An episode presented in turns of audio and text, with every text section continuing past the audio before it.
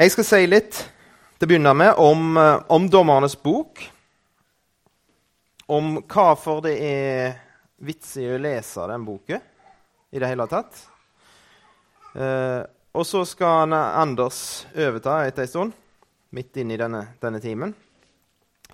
Eh, men tema for Dommernes bok, hovedtema, eller hovedhandlingen, er at Gud frelser folket sitt. Og bare der ser vi noe som, som vi kan relatere til oss. Men jeg har lyst til å lese litt, litt noen vers fra Salme 107. For jeg tror Salme 107 beskriver det som vi leser om i Dommernes bok. I Salme 107 så finner vi fire typer mennesker, eller fire, fire kategorier, som som, får, som kommer ut i problemer. I vers 4 så står det om noen som gikk seg vilt.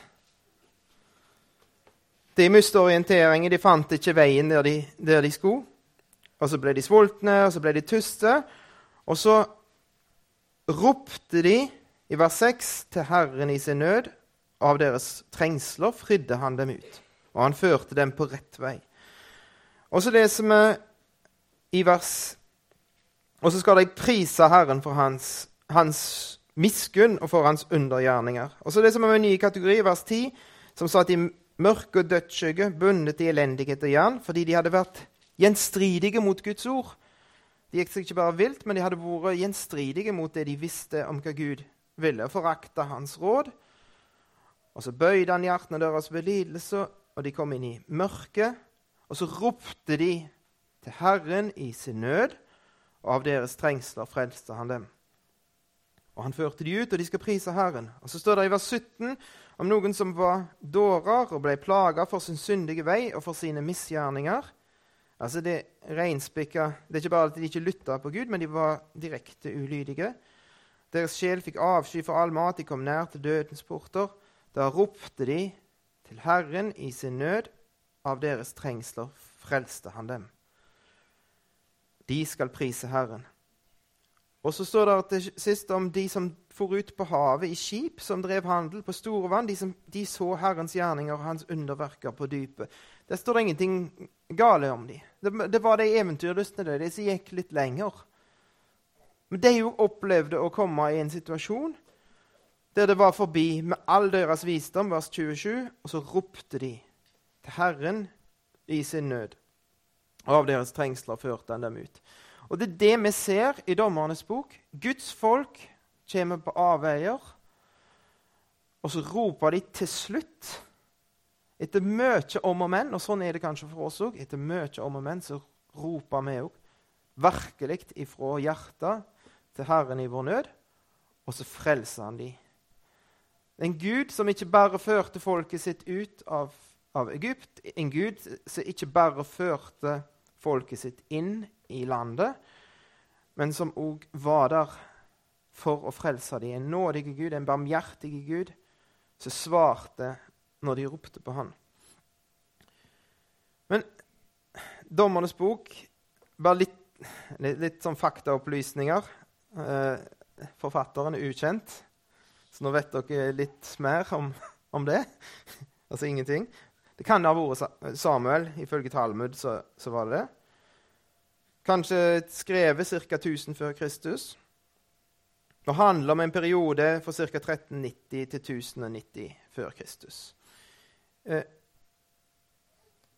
men hvordan kan ei bok fra bronsealderen være relevant for oss? Har dere hørt det uttrykket 'bronsealderbok'? Det er ganske populært iblant, eh, spesielt blant nye ateister. De sier det at Bibelen er ei bronsealderbok. Så hva i verden skal vi altså, Hallo, vi lever jo i 2016. Hvorfor skal vi lese ei bok fra bronsealderen? Folk som ikke hadde teknologi, ikke hadde vitenskap, ikke hadde all den kunnskap som vi har, har samlet oss. Ikke hadde engang Internett å google ting på. Og så skrev de ei bok, og så skal vi la den være styrende for vår tanke og la oss informere av den. Men Asbjørn har allerede svart på det. Hele dette her er pusta liv i av Gud. Gud har lagt sin ånd i disse ordene, og de er i stand til ikke bare å gi oss informasjon, men å gjøre noe med oss og forandre oss. Men, men likevel, hvorfor skal vi lese om noe som skjedde i, altså for tusenvis av år siden, med primitive folk?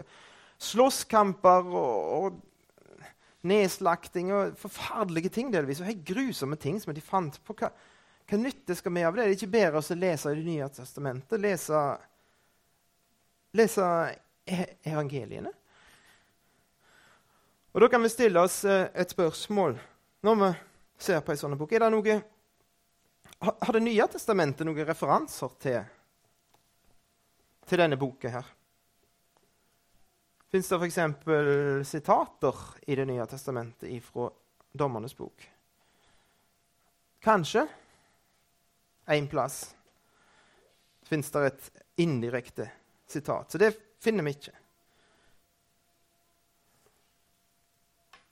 Fins det hentydninger, såkalte allusjoner? Er er det, ting i Det nye testamentet som, som spiller tilbake på ting som står i Dommernes bok? For det første så står det om noen av personene vi leser om i Dommernes bok. I Hebreabrevet 11 så blir de referert til som troshelter. Og det er folk som, Når du leser om dem, så lurer du på hvorfor i all videste verden ble de dratt fram. For når vi leser om dem, så finner vi haugevis med feil. Likevel så drar Gud de fram, Guds ånd drar de fram som helter, som trosmenn, som vi skal etterfølge i deres tro. Ha som forbilde i deres tro. Ikke i alt de fant på, for det hadde ikke vært lurt for oss. Men i deres tro. I tillegg så er det en antydning i andre korinterbrev. Det står om en skatt i leirkar og noe lys. Og, og, og, så begynner tankene våre kanskje å gå til Dommernes bok og noen fakler som ble skjult i noen krukker, og en krig andre korinterbrev handler om kamp og krig imot fiender. På samme måten som Dommernes bok handler om. Så da kan vi begynne å tenke kanskje er det en eller annen sammenheng her mellom det som står i, i Dommernes bok, og det som står i, i Det nye testamentet. I Feserbrevet så er det et, et, eh, et, vers som er et sitat fra Salme 68, som igjen er et sitat fra Deborah og Barak sin sang. Så Der er det en kobling. Nesten et sitat. Og I Feserbrevet er det òg snakk om fiender, om kamp, om å vinne seier over fiender. Så kanskje Og det er snakk om en arv, på samme måte som i Dommernes bok. er det snakk om en arv som Gud har gitt Gud har gitt et land som en arv. Og, og det har vi jo i Efeserbrevet. Så da kan vi lese Efeserbrevet, og så kan vi mm, sjekke litt i Dommernes bok om det er noe vi kan, kan lære av det. Og så er det, det siste er at det, det kan være paralleller, rett og slett, i temaene. F.eks. det som vi leste om i Efeserbrevet, men òg det med et, et land, et, et, folk, Guds folk, Guds folk i Det gamle testamentet, med Guds folk i den nye pakt. Guds folk var ulydige mot Gud. Kan vi være ulydige mot Gud? Guds folk møtte fiender. Kan vi møte fiender? Og Sånn er det, er mange spørsmål som vi kan, kan, stille for at denne boken skal bli relevante for oss. Hva handler boka om? Hva er temaet i boken? Går det an finne ut hva denne boka handler om? Og kanskje er et tema Gud frelse. Gud berger folket sitt når de har gått vilt. Og så spørsmålet er det, er det, er det et en inndelinje? Er det noe system i denne boka her? Er det, er det forskjellige temaer i de forskjellige avsnittene? Det kan vi, kan vi kikke på. Og så kan vi se på de fiendene som de slåss mot. Var de like? Var det akkurat samme greia? Var det bare en fiende angrep dem, undertrykte dem, de ropte til Herren, Herren sendte en dommer og befridde dem? Eller er, er de forskjellige, de fiendene? Er det, er det forskjellige karaktertrekk med dem? Det er forskjellige årsaker til til fangenskapet osv.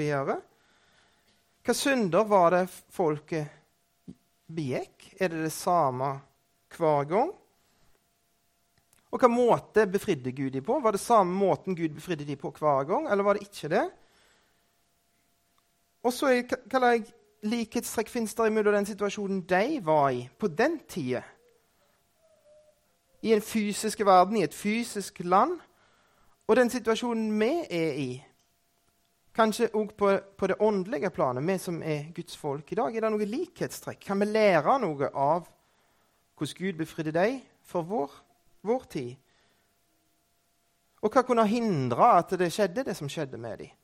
Det er sånne spørsmål som vi kan stille når vi leser en sånn bok. Og så tror jeg vi får noe ut av det, uten at vi bare bruker fantasien vår. For det gjør vi av og til når vi leser Det gamle testamentet. Men vi bare bruker fantasien, og så får vi assosiasjoner, og så leser vi gjerne et ord i ei gammeltestamentlig bok, og så, så, slår vi det opp i databibelen, og så finner vi oi, det er samme ordet brukt i Johannes evangeliet. Ja, men da er det helt sikkert en sammenheng. Og så, og så er det egentlig fantasien vår, og ikke boka og boka sitt tema og de store sammenhengene. Og Det var litt av det som Keith var inne på. Keith skal snakke mer om å lese Det gamle testamentet i lys av Det nye testamentet. Så det kommer han sikkert til å rette på noe av det som uh, Anders og jeg sier, men det er knallbra hvis han gjør det. Men denne boka har jo en, en inndeling. Og da har For litt for mange år siden så hørte, hørte noen av oss på eh, John Lennox snakke om Dommernes bok. Og så uh, fant vi ut at John Lennox hadde ikke funnet ut av dette her sjøl. Han hadde lært av David Gooding, som har jobba mye med den litterære strukturen i bøker. Hvordan, hvordan er de bygd opp? Er Dommernes bok bygd opp med en, en, struktur? Og her er dette her er ikke jeg som har funnet på. Dette er mer lærde folk enn meg. Det kan godt hende det er uenighet om det òg. Men det gir mening å se paralleller mellom første del og siste del, andre del og nest siste del av boka utigjennom. Det skal vi bare ble, ble fort gjennom. Du har en innledning og en avslutning. Der, I første del så handla det om at Israel spurte Herren hvem av oss skal dra opp imot fiendene. Og så får de svar Juda. I siste del av boken er det akkurat samme spørsmål som ble stilt, men da er det ikke fi ytre fiender de skal slåss imot. Da er det en indre strid i Guds folk. Og Sånn er det hele veien gjennom boka. Så ser vi en nedadgående. Altså, det blir to ting som blir sett opp imot hverandre, og så går det nedover bakke. Og På den måten er Dommernes bok og Sånn ser vi òg på den andre inndelingen. Otniel og Samson. Begge historiene spiller kvinner en viktig rolle, men det er litt forskjell på de kvinnene som, den, den kvinna som Otniel levde for, og den, den som, de som Samson var ute etter. Og så har du en paralleller mellom Ehud og Jefta, mellom Deborah, Barak og Jael og Abimelek. Og så har du Gideon i midten som et slags høydepunkt og et dybdepunkt i samme sleng. Det går både opp og ned i, i Gideon sitt liv. Men i alle disse her historiene så ser vi svakhet. Vi ser mennesker som, som er ufullkomne. Noen av dem er forferdelig ufullkomne, sånn som f.eks. Samson. Men likevel er det noe lys i livet deres. Og så blir det vunnet seirer. Og ingen av de seirene blir vunnet pga. at disse her er spesielt bra folk. Spesielt sterke. At Israel er spesielt sterke. Det blir vunnet ved Guds kraft. Alle seirene ble vunnet med Guds kraft. Og det demonstrerer Gud for dem, at det er han som, som frelser dem. Det, det er, ingen andre enn han. Og det, det, er noe av det jeg håper at vi får se. At det, vi har òg fiender. Vi har òg kamper vi står i. Forskjellige kamper. På samme måte som Israel hadde forskjellige kamper de sto i. De, de bodde i forskjellige deler av landet. Det var forskjellige fiender som de hadde med å gjøre. Så de, de helt i nord de sleit ikke med det så voldsomt med de fiendene helt i sør, men de sleit med andre fiender. Og det var fiender både rundt landet Gud hadde gitt dem, men òg inni landet, pga. at de hadde latt det være noen igjen i landet. Men de forskjellige fiendene og de forskjellige artene fiender de hadde, den eneste måten de kunne vinne seier over de fiendene, var med å rope til Gud, at Gud tok seg av dem i Guds kraft. Og når vi møter fiender i vårt liv, når vi sliter med synd i vårt liv, når vi sliter med innflytelse utenfra, så er det akkurat det samme prinsippet som gjelder for oss. Det er Gud som må befries. Det er Gud som må sørge for at det vi har fått, blir beholdet. Det som er inntatt i livet vårt, det blir beholdt. Når fiendene kommer, vil ha tilbake igjen det som, vi har vunnet, det som er blitt vårt, så har vi en, en Gud å rope til, en Gud som, som kan, kan, frelse oss, en Gud som er nådig. Og så går det an å lære, tror jeg, av deres feil. Sånn at vi kan stå, sånn som det står i Efeserbrevet, på den onde dag. Bli stående på den onde dag. For det handler ikke bare om nederlag og nåde i Guds rike. Det handler òg om en Gud som kan gi kraft, som kan gi seier, og kan gi vekst og modning i livene våre. Og Det er iallfall det som jeg ønsker at vi skal, skal få se i løpet av disse timene. her. Og kanskje at det kan bli sådd noe i oss som vi kan, kan, lese mer og forstå mer av dette. her. Og til slutt så handler det ikke bare om at det, de slåss for hele stammen sin. De slåss på vegne av konene sine, ungene sine, slektningene sine. Og det kan godt hende at noen iblant oss, noen vi kjenner, ligger i, i grøfta utslått av fiender som kommer inn i livet deres. Og Det er så lett for oss å si 'Reis deg opp, mann. Kom deg opp. Du kan ikke ligge sånt.' Men vi skal faktisk slåss for hverandre òg. De sterke skal ta seg av de svake. Og det er noe av det vi ser i, i Dommernes bok òg. De slåss for hverandre. Og de hjelper hverandre. Og det skal vi som Guds folk gjøre. Vi som har levd med Gud en stund. Vi skal være i stand til å hjelpe de som ligger nede. Slåss for dem. Og kanskje at de kan lære seg etter hvert å slåss sjøl.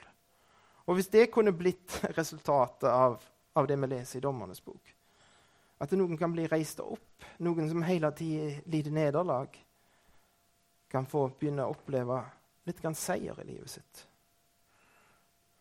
At noen av disse fiendene som har, som har fått makt i livene våre, kan begynne å løsne grepet i Guds kraft, så er det store ting skjedd.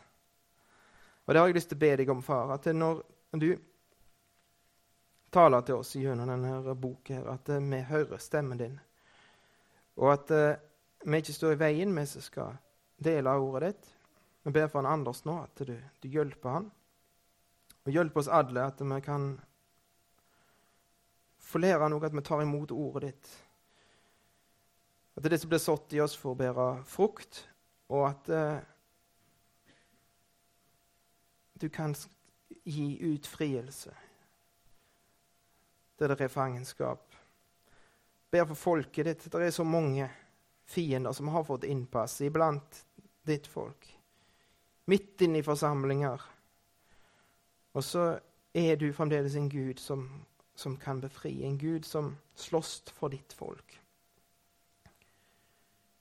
Og Det ber jeg om at du skal gjøre i ditt folk i, i Norge i, i dag. Legg oss i hendene dine for ditt navns skyld.